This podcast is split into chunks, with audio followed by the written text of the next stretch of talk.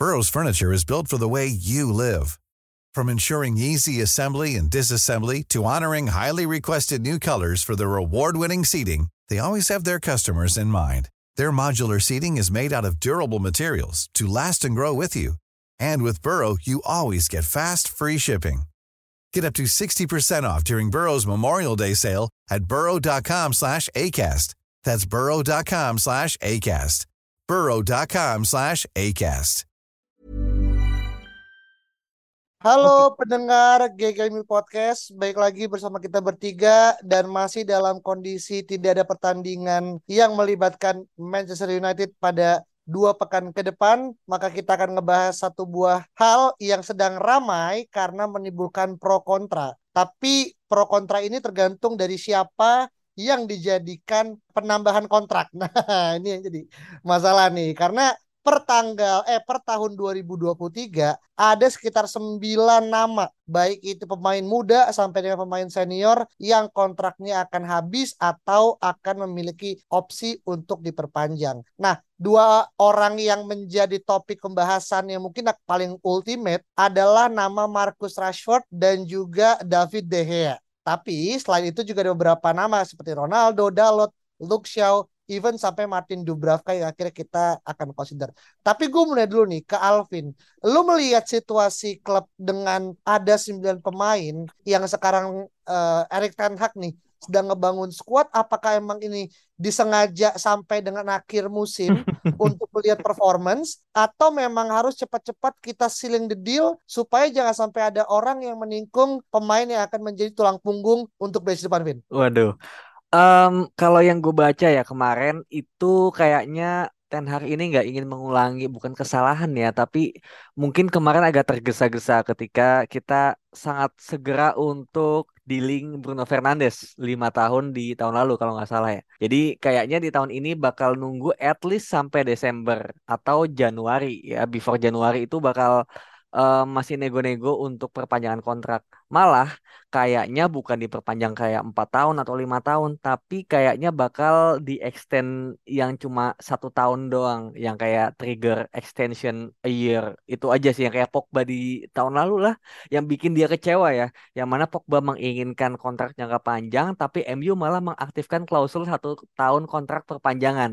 Nah, itu menurut gue agak tricky ketika nanti ada pemain yang sepertinya um, merasa tidak dihargai, itu juga bisa backfire juga buat kita gitu. Malah kontrak satu tahun perpanjangan ini kata banyak pengamat adalah bukti bahwa MU ini nggak yakin dengan plannya sendiri gitu. Apakah pemain ini akan jadi jangka panjang atau jangka pendek gitu loh. Itu bentuk ke apa ya kecacatan board MU dalam melihat bahwa pemain ini tuh prospeknya seperti apa gitu sih kalau untuk gambaran secara umum ya. Itu menurut Hmm. gue. Oke, berarti lebih kepada akhirnya MU kalau tidak bisa mengambil keputusan dengan baik, maka takutnya satu mengulangi. Tapi kalau akhirnya cuma extend satu kontrak tahun satu tahun, yang kejadian di Pogba justru akhirnya menam- menambah ya liability juga kan. Karena kita juga kehilangan Pogba kan secara free juga kan. Itu kan jadi Hmm, iya. segala macam gitu. Nah, ini gue mau nanya ke Saul nih, Ong. Nih ada banyak pemain yang akhirnya eh, tersedia gitu kan. Tapi gue yakin pemain kesukaan lu yaitu eh, apa namanya Al Habib Phil Jones ini kan jadi satu orang yang akhirnya ini kan juga jadi Iya, iya, nama iya, ini iya, gitu iya. kan. Lo gimana nih melihat? Pasti gue yakin lu memilih dia bertahan pasti kan. pengennya ya pengennya sih gue eh, ingin dia bertahan gitu karena kan dia termasuk pemain senior ya eh, ibaratnya kuncinya Premier League lah mungkin ya dan mungkin dia kenal banyak orang dalam gitu di Premier League jadi mungkin eh, kalau misalkan kita lagi ada kendala-kendala apa mungkin dia bisa bantu gitu. Cuman memang sayangnya dunia ini kan sangat cepat ya berputarnya gitu apalagi sepak bola gitu di mana eh, minggu lalu aja ya itu pemain usia 15 tahun Arsenal itu bisa debut men gitu. Apalagi yang eh, debut-debut yang kita punya seperti ini kan tentu akan jadi beban kan gitu. Nah gua rasa memang harusnya eh Phil Jones ini ya cabutnya tuh udah dari dulu-dulu gitu sih Hmm, sebenarnya gitu. Betul. cuman memang kembali lagi gitu eh, kita tuh kesulitan untuk membuang pemain gitu mau mau ke mana gitu karena pemain-pemain ini pun main juga nggak pernah gajinya mahal gitu ya untuk untuk untuk ukuran pemain yang nggak pernah main gitu dan ya sulit un- untuk ditawarkan gitu makanya satu-satunya cara adalah ya uh, let go for free Hmm, setuju Gitu sih. sih. Betul, betul, betul. Oke, oke. Berarti emang untuk kasus Phil Jones sebenarnya harusnya itu dicabut bahkan sebelum Chris Smalling ya.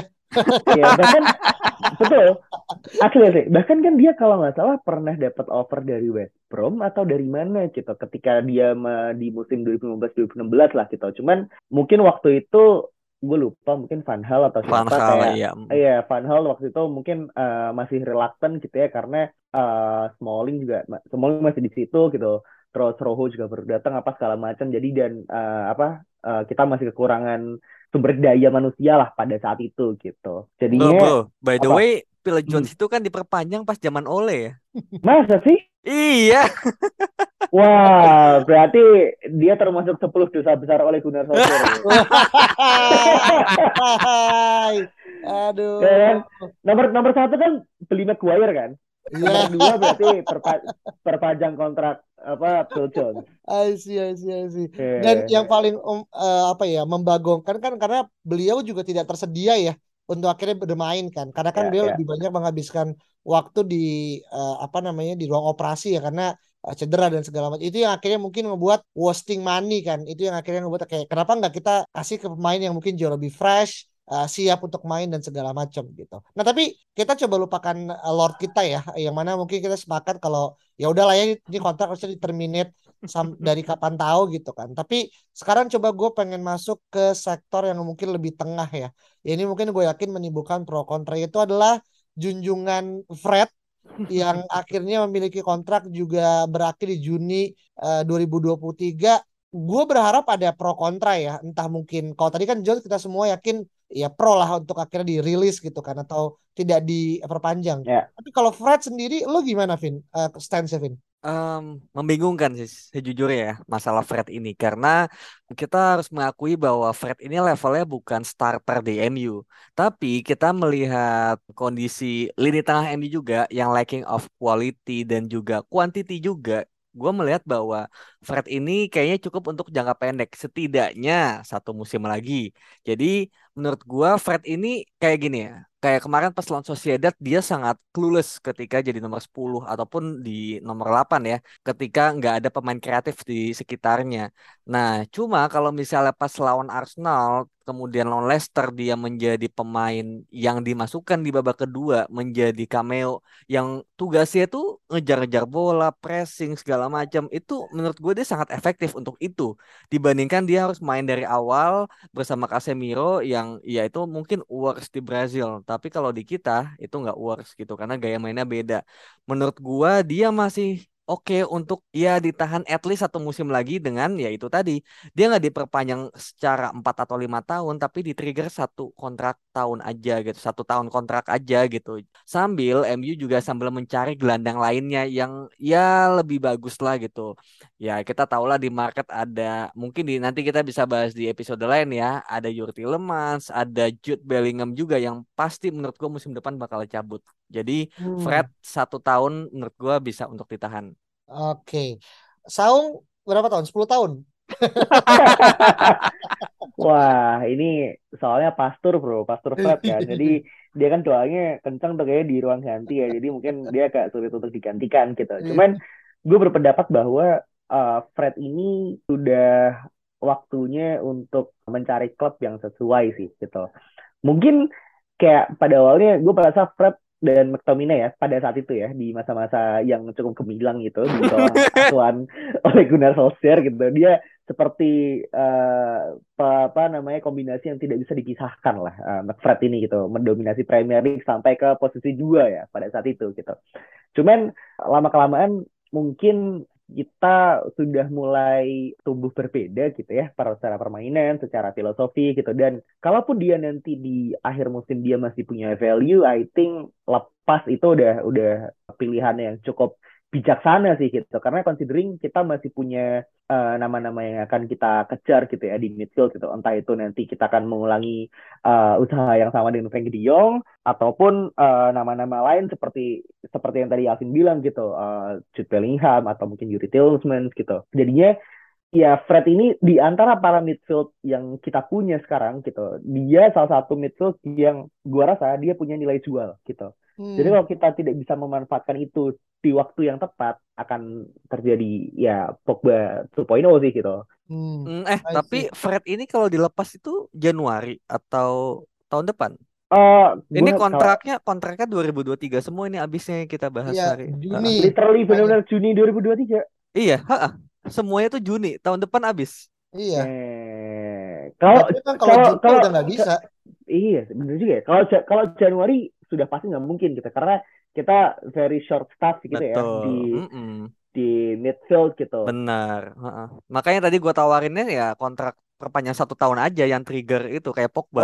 Oke, berarti Mm-mm. pilihan paling bijaksana adalah kontrak tiga tahun.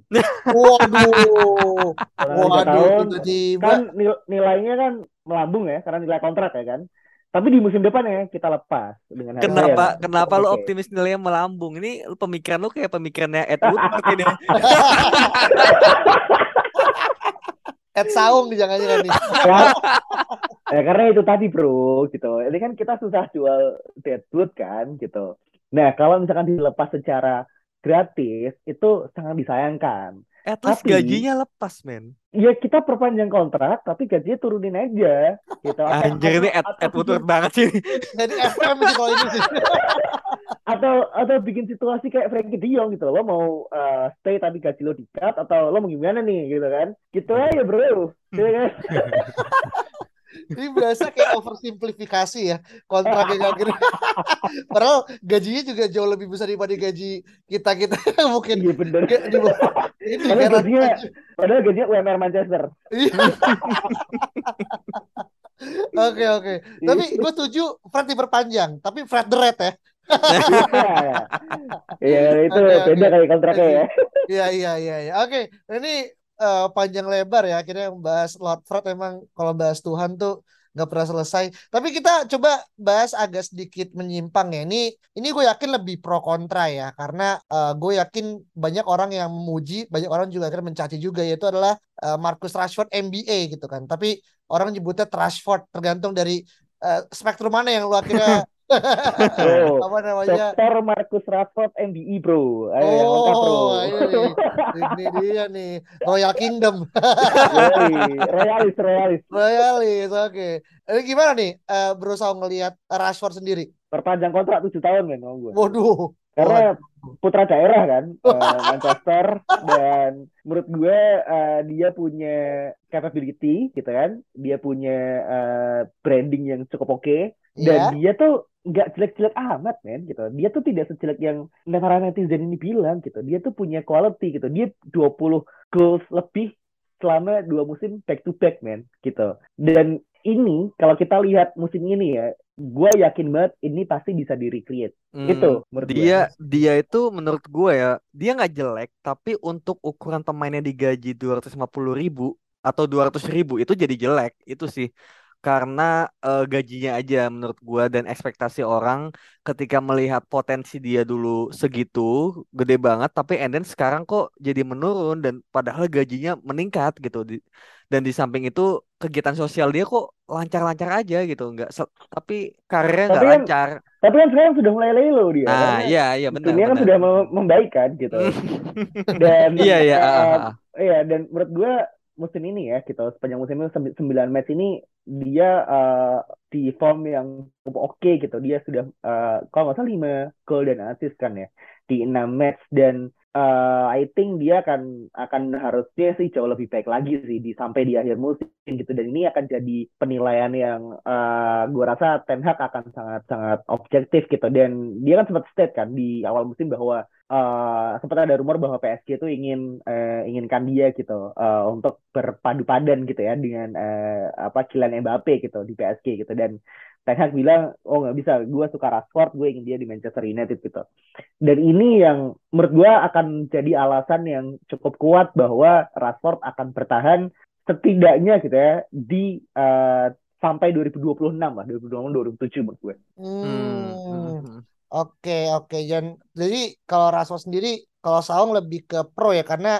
dia ngerasa lebih ada kayak recreation dari sosok Rashford yang mungkin dianggap habis ya uh, karena mungkin jauh lebih fokus ke dunia NGO kan. Betul. dia sebagai... Jadi dia memang sepanjang karirnya nanti dia akan one club man di Manchester United terus habis itu kan calonin balik kota Manchester, Pak. Jadi kita bingung. Anjir. Wali kota Manchester terus kayak ini kan terus pas kampanyenya dari para apa-apa para agensi adalah Manchester has fallen gitu. Ya still oke okay lah gitu ya. Still okay, kan ya. Class of 90 itu kan banyak kan ini kan usaha juga di Manchester kan gitu. Gue sih yakin yakin aja sih dia akan bertahan sih. Iya, Harusnya iya, iya. ya. Oke oke oke. Hmm, tapi nah, benar sih. Vin, gimana Vin? Lu sendiri ya, gimana? Iya benar sih maksudnya ya nambahin aja. Karena dia memang putra daerah ya. Gue yakin juga para board itu juga akan mempertahankan dia setengah mati dan nggak akan dilepas begitu aja meskipun waktu itu ditawar PSG berapa ya 40 atau 50 gitu dan menurut MU juga harganya tuh jauh lebih daripada itu dan harga itu kan again ya kayak masalah Anthony kemarin nggak cuma masalah performa dia di lapangan gitu tapi banyak hal yang mempengaruhi dia kenapa nilainya jadi segitu dan gua melihat perubahan Rashford di musim ini yang pertama gue lihat itu adalah rambutnya gitu. Yang dulunya dia dicat kuning, kayak gaya-gaya ala-ala Pogba gitu kan. Tapi musim ini udah lebih apa ya kayak Rashford yang dulu gitu.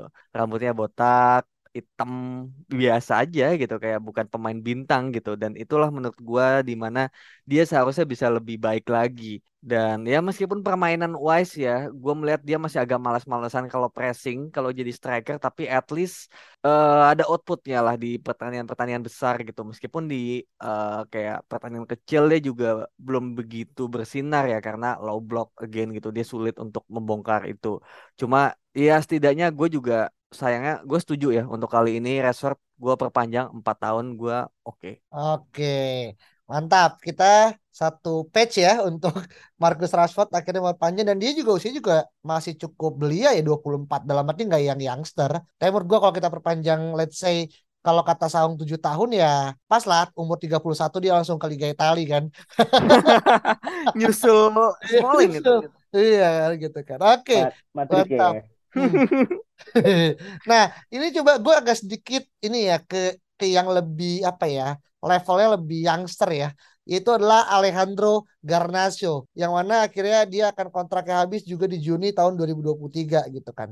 Lu ngelihat kalau Rashford terus juga mungkin Fred dan juga Phil Jones kan secara sejarah dan juga mungkin historinya kan udah cukup melekat ya. Tapi kan untuk Garnacho kan ini kan pemain muda yang diorbitkan dan kita tahu bagaimana kedatangan dia dari Atletico Madrid tuh ya dianggap cukup apa ya cukup anomali lah gitu tapi sama menunjukkan kalau dia akhirnya bisa survive dan bahkan me, eh, ya, buat debut ya di musim lalu gitu kan sekarang di beberapa match itu akhirnya mulai bermain. Nah, lo ngelihat Garnacho sendiri apakah akhirnya perlu untuk kita consider perpanjang atau gimana akhirnya, Vin? Iya, gue malah bingung ya kenapa Garnacho ini lama banget proses untuk perpanjangan kontraknya gitu. Padahal udah dari musim lalu pembicaraannya.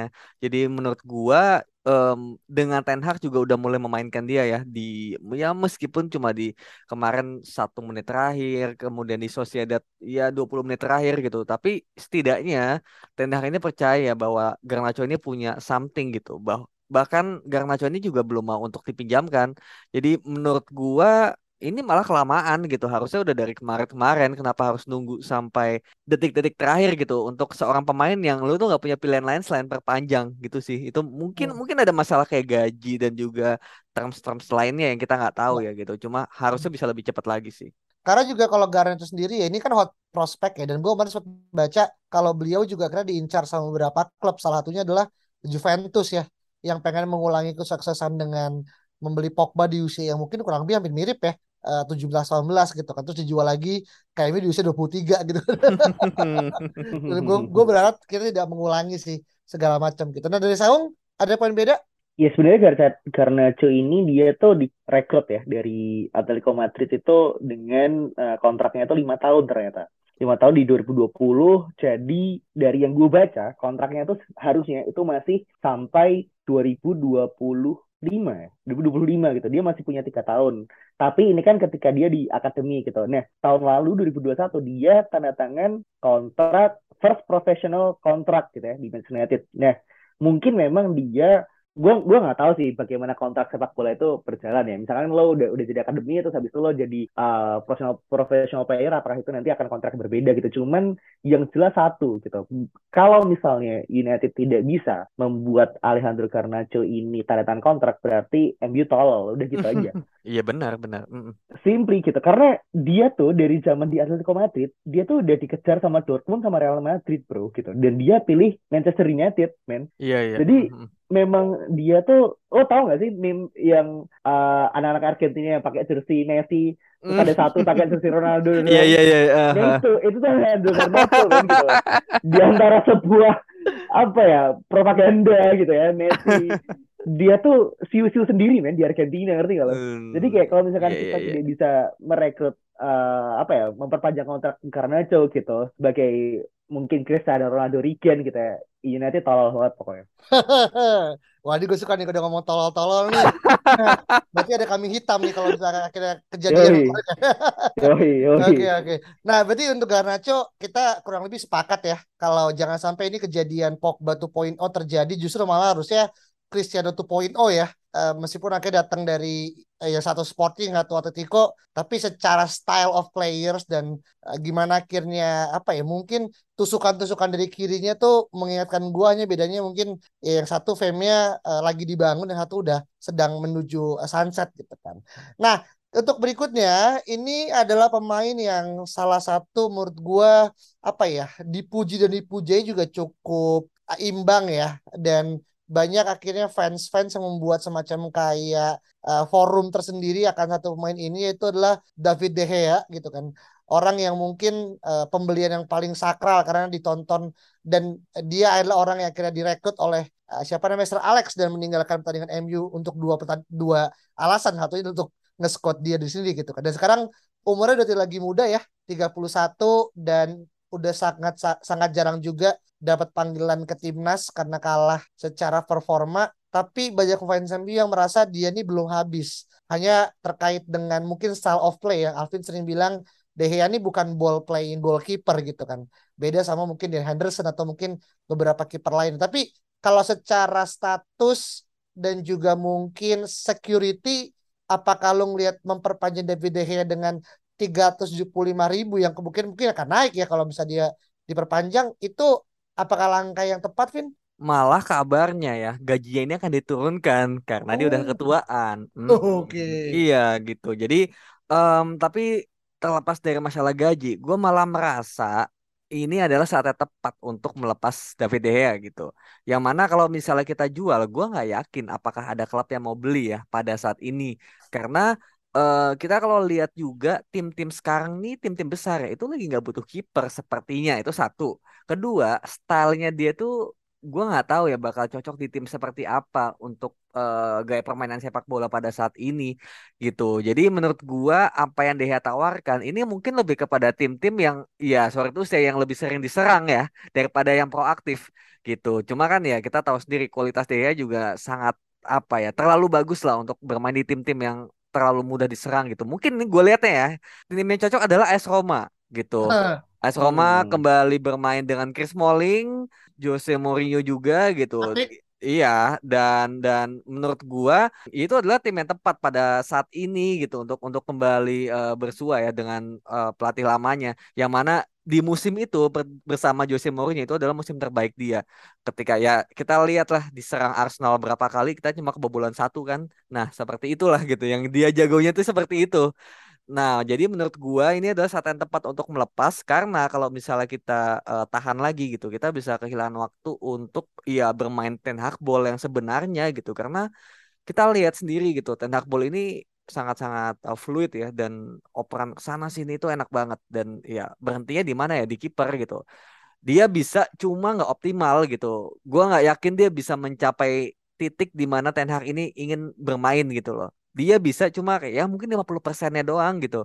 Gue udah lihat kemarin-kemarin gitu dia bisa ngoper, cuma ya ngoper simple aja gitu sih. Jadi menurut gua daripada kita perpanjang setahun, and then kita juga ada beban gaji, ataupun kita perpanjang tiga tahun gitu kayak ya nanti ujung-ujungnya bakal dilepas juga. mending ya udah lepas aja menurut gua sih. Meskipun jawaban gue ini pasti akan ya sangat banyak yang kontra dengan ini gitu, bahkan di Hmm. football Twitter sekalipun. Hmm, karena memang De Gea ini kan isu yang sensitif ya. Karena anggap kalau misalnya kita akhirnya sekali aja, mungkin ya kalau kita omongannya Alvin dipelintir gitu kan. Kita kan akan dianggap orang yang tidak eh, apa ya, tidak terima kasih pada pahlawan ya. Kan orang eh, apa namanya Jesus save De Gea apa De Gea savior gitu kan. Ini kan beberapa eh, apa slogan-slogan yang muncul ketika era-era tahun 2017-18 gitu kan.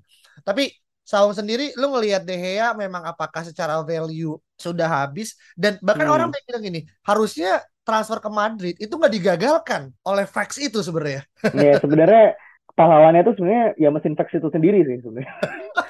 pada pada saat itu ya, pada saat itu memang mesin fax itu menyelamatkan musim United gitu dan eh, ternyata di musim 17-18 itu adalah musim yang sangat sangat luar biasa gitu ya menurut gue eh, De Gea itu mencapai peaknya itu di musim itu gitu pada saat itu. Tapi memang ini perdebatan yang cukup menarik gitu, eh, menarik gitu bahwa ini bisa jadi apa ya sebuah case di mana kita benar-benar bisa melihat apakah Ten Hag ini punya power atau enggak gitu atas uh, tim yang dia uh, miliki saat ini gitu. Kalau misalkan memang De Gea akan diberi kontrak panjang lagi gitu, which is doesn't make any sense gitu ya. Berarti memang klub ini gitu ya, terutama di uh, board yang manajemen-manajemen itu memang udah udah keterlaluan gitu. Memang dia hanya hanya mengandalkan egonya sendiri gitu di atas sepak bola yang uh, ingin dimainkan oleh Ten Hag gitu. Cuman memang sulit sih De Gea ini jelek itu enggak gitu, tapi bagus bagusnya dia gitu ya itu juga udah udah enggak menurut gua gitu. Jadi kalau misalkan dijual, I'm not sure siapa yang mau gitu mungkin se- se- selain AS Roma yang tadi Alvin mention atau kalau enggak dia berpanjang kontrak gitu mungkin satu tahun atau dua tahun tapi, Tapi jadi bench. turunnya drastis. Tapi Jadi jadi, bench. bench. bener. Jadi dia second string gitu. Dia di pemain papan kedua lalu kita uh, beli dua kiper lagi mungkin karena Hendo pasti akan cabut sih menurut gua. Deano, Iya itu Dino, Dino, Dino Iya. Pasti akan Hendo. cabut. Endo, Endo. Jordan Henderson. Oh iya benar. Iya. Henderson ya. Ya siapa tahu kan ya. Jadi memang ya itu sih gitu. Uh, Dean Henderson akan cabut gitu apa pun yang terjadi. Lalu De Gea perpanjang kontrak tapi gajinya akan turun drastis atau ya dilepas sampai kontraknya dia habis gitu. Karena di musim depan gitu ya, itu nama-nama kiper yang akan muncul di market mungkin cukup oke gitu. Ada Diego Costa, ada si Raya gitu, dan mungkin katanya tadi gue sempat baca Jan Oblak itu juga habis di tahun 2023 gitu. Cuman gue nggak tahu apakah Jan Oblak juga memainkan sepak bola yang sama gitu ya, eh, yang dimainkan oleh si eh, Ten Hag. Itu sih sebenarnya. Hmm, oke. Berarti memang kita bisa dibilang apa ya? Mungkin quote unquote agreed pada konteks dia bagus tapi masanya udah selesai kan. Itu kan akhirnya menjadi ini ya. Eh, supaya kita Iya, juga nggak gue Hmm, gue nggak yakin apakah dia bisa mencapai performa dia di tahun du- 17-18 gitu sih. Karena pada saat itu gitu, kita kan punya duet si ini ya, eh, Chris Smalling sama Marcus Rojo kali ya. Gue lupa sih satu siapa sih. Eh, iya kan, pokoknya dua dua center back itulah gitu. Center back di mana kita sangat rawan sekali untuk diserang gitu kan. Ngerti? Iya kan?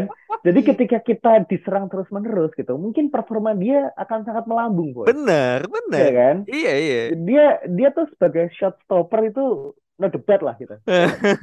Tapi sebagai seseorang gitu, seorang pemain eh, kiper yang bermain dari belakang itu bermain sepak bola seperti layaknya Ellison itu gua nggak yakin dia bisa sih sebenarnya gitu. Bahkan Hmm. Ederson aja gitu. Ederson itu dia bermain dari belakang oke ya. Tapi dia tuh tidak sejago itu, Pak. Ngerti nggak lo? Benar, Ketika benar. dia nge-save bola atau apa pun segala macam positioningnya tuh jauh lah sama De Gea sebenarnya gitu. Hmm. Tapi ya itu gitu, Pep itu butuh kiper yang bisa main dari belakang.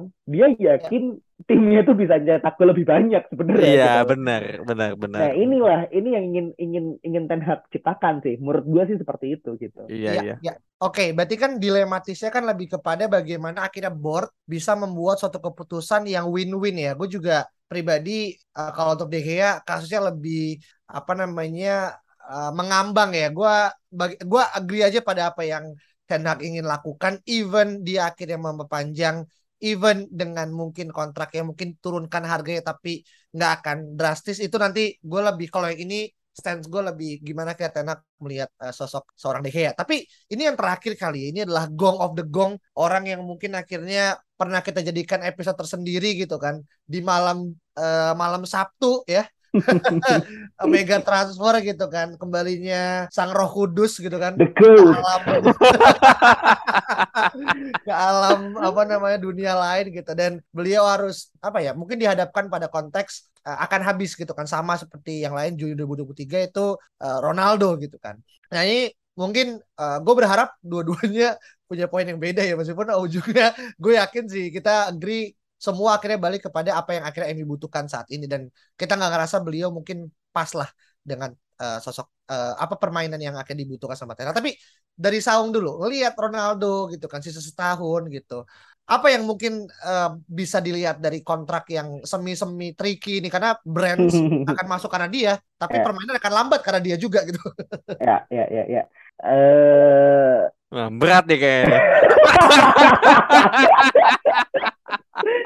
ini gue gue mencoba untuk tidak bias bro. Gak apa-apa bias aja gak apa-apa Gak apa-apa. Eh, gimana ya? Susah ya? Susah men gitu. Gue tuh sangat-sangat suka Ronaldo gitu. Dia kembali ke Manchester United itu adalah mimpi basah semua fans Manchester United men. Ngerti gak lo? Hmm, iya, jadi iya, kayak iya. musim ini gitu. Sebenarnya kan ini musim yang kita tuh tidak ingin terjadi kan. Kita bisa ada di Europa League. Ini kan memang memang dosa besarnya oleh Gunnar Solskjaer dan Ralf Rangnick kan gitu.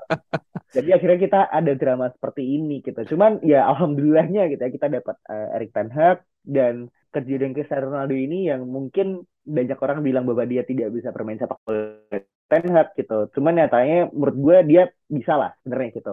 Cuman memang masalahnya adalah gaji dia tuh sangat mahal ya.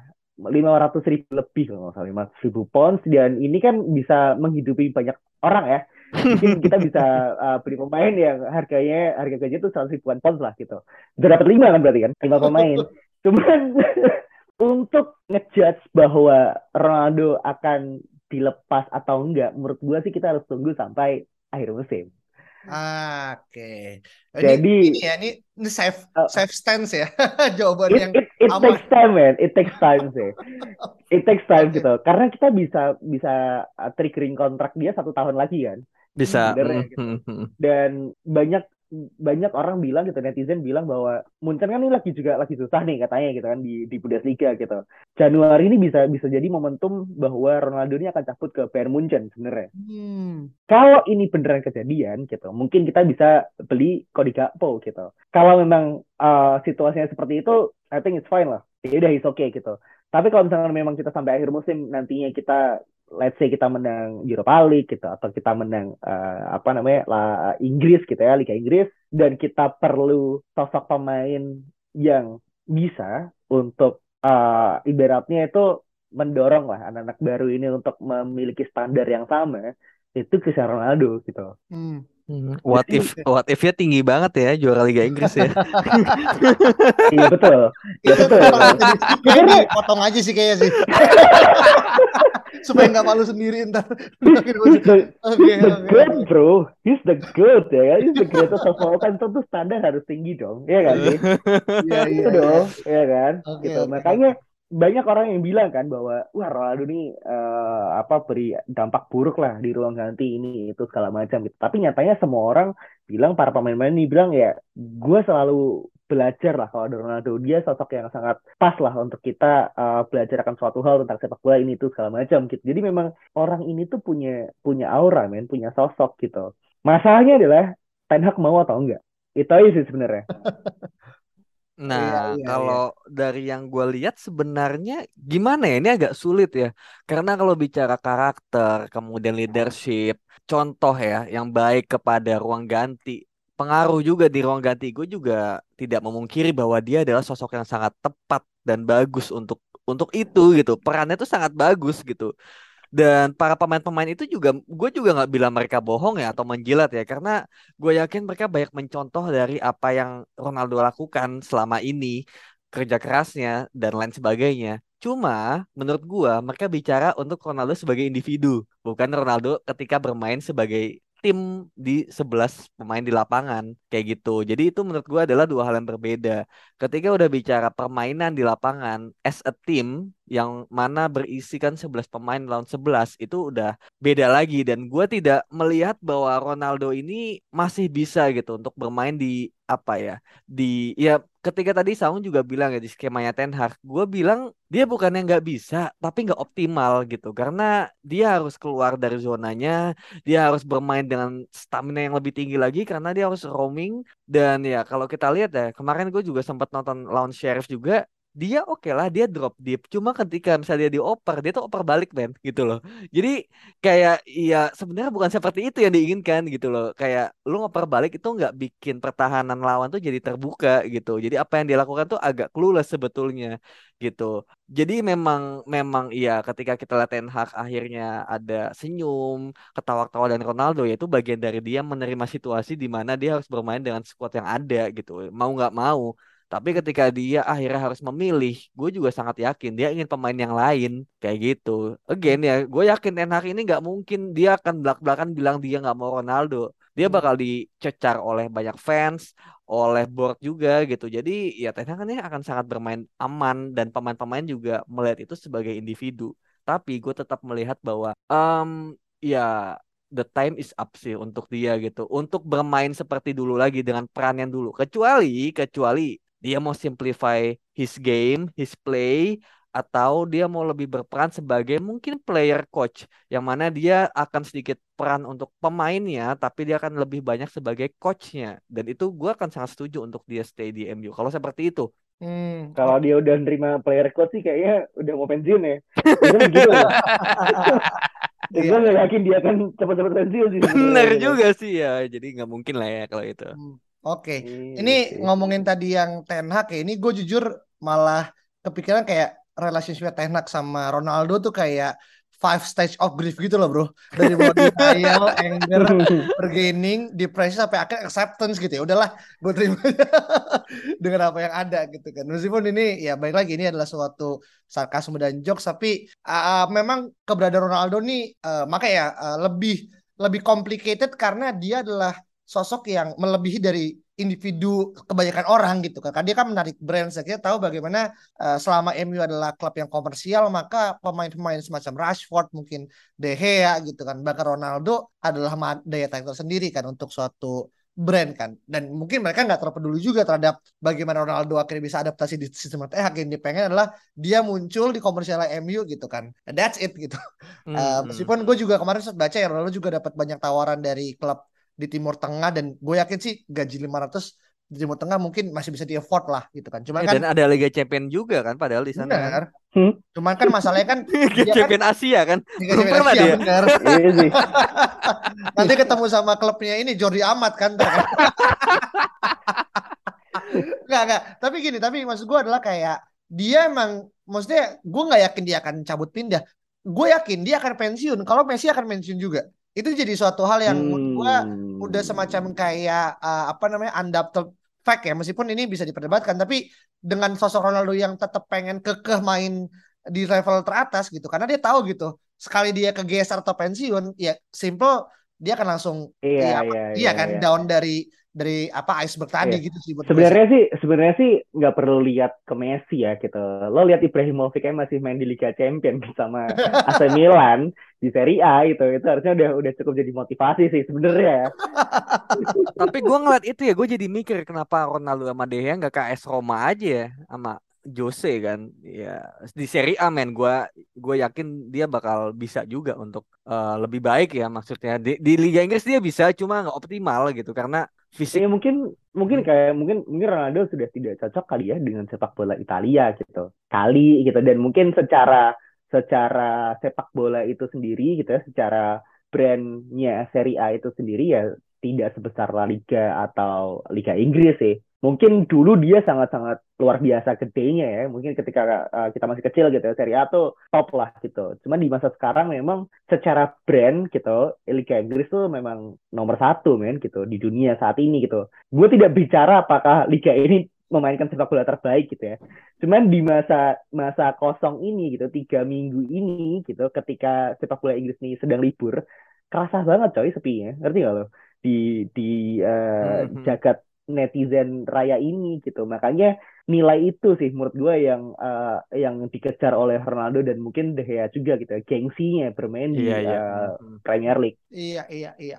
Ya, ini kalau Mas Ronaldo memang sebenarnya akan lebih bijak kalau memang Ten Hag yang akhirnya menentukan pun gue sih ngerasa memang kalau akhirnya ya di eh, apa namanya Ronaldo tidak diperpanjang menurut gue emang kelu ke apa ya kebesaran hati dia untuk akhirnya berkorban untuk tim yang mana sebenarnya gue agak ragu ya mengatakan ini gitu. Karena dengan banyak banget hasrat ego yang dia pengen capai dan somehow gue ngerasa MU bukan kendaraan yang tepat lagi aja untuk dia gitu saat ini gitu kan Nah, ini ada dua pemain ya yang sebenarnya menurut gua eh, lagi men- lagi apa ya? Lagi sedang dalam satu top performance karena mendapatkan kepercayaan. Yang satu barusan aja eh, kedapatan di picture lagi lu lagi cukup berisi ototnya, nggak lagi orang yang habis ini ya meneguk miras gitu.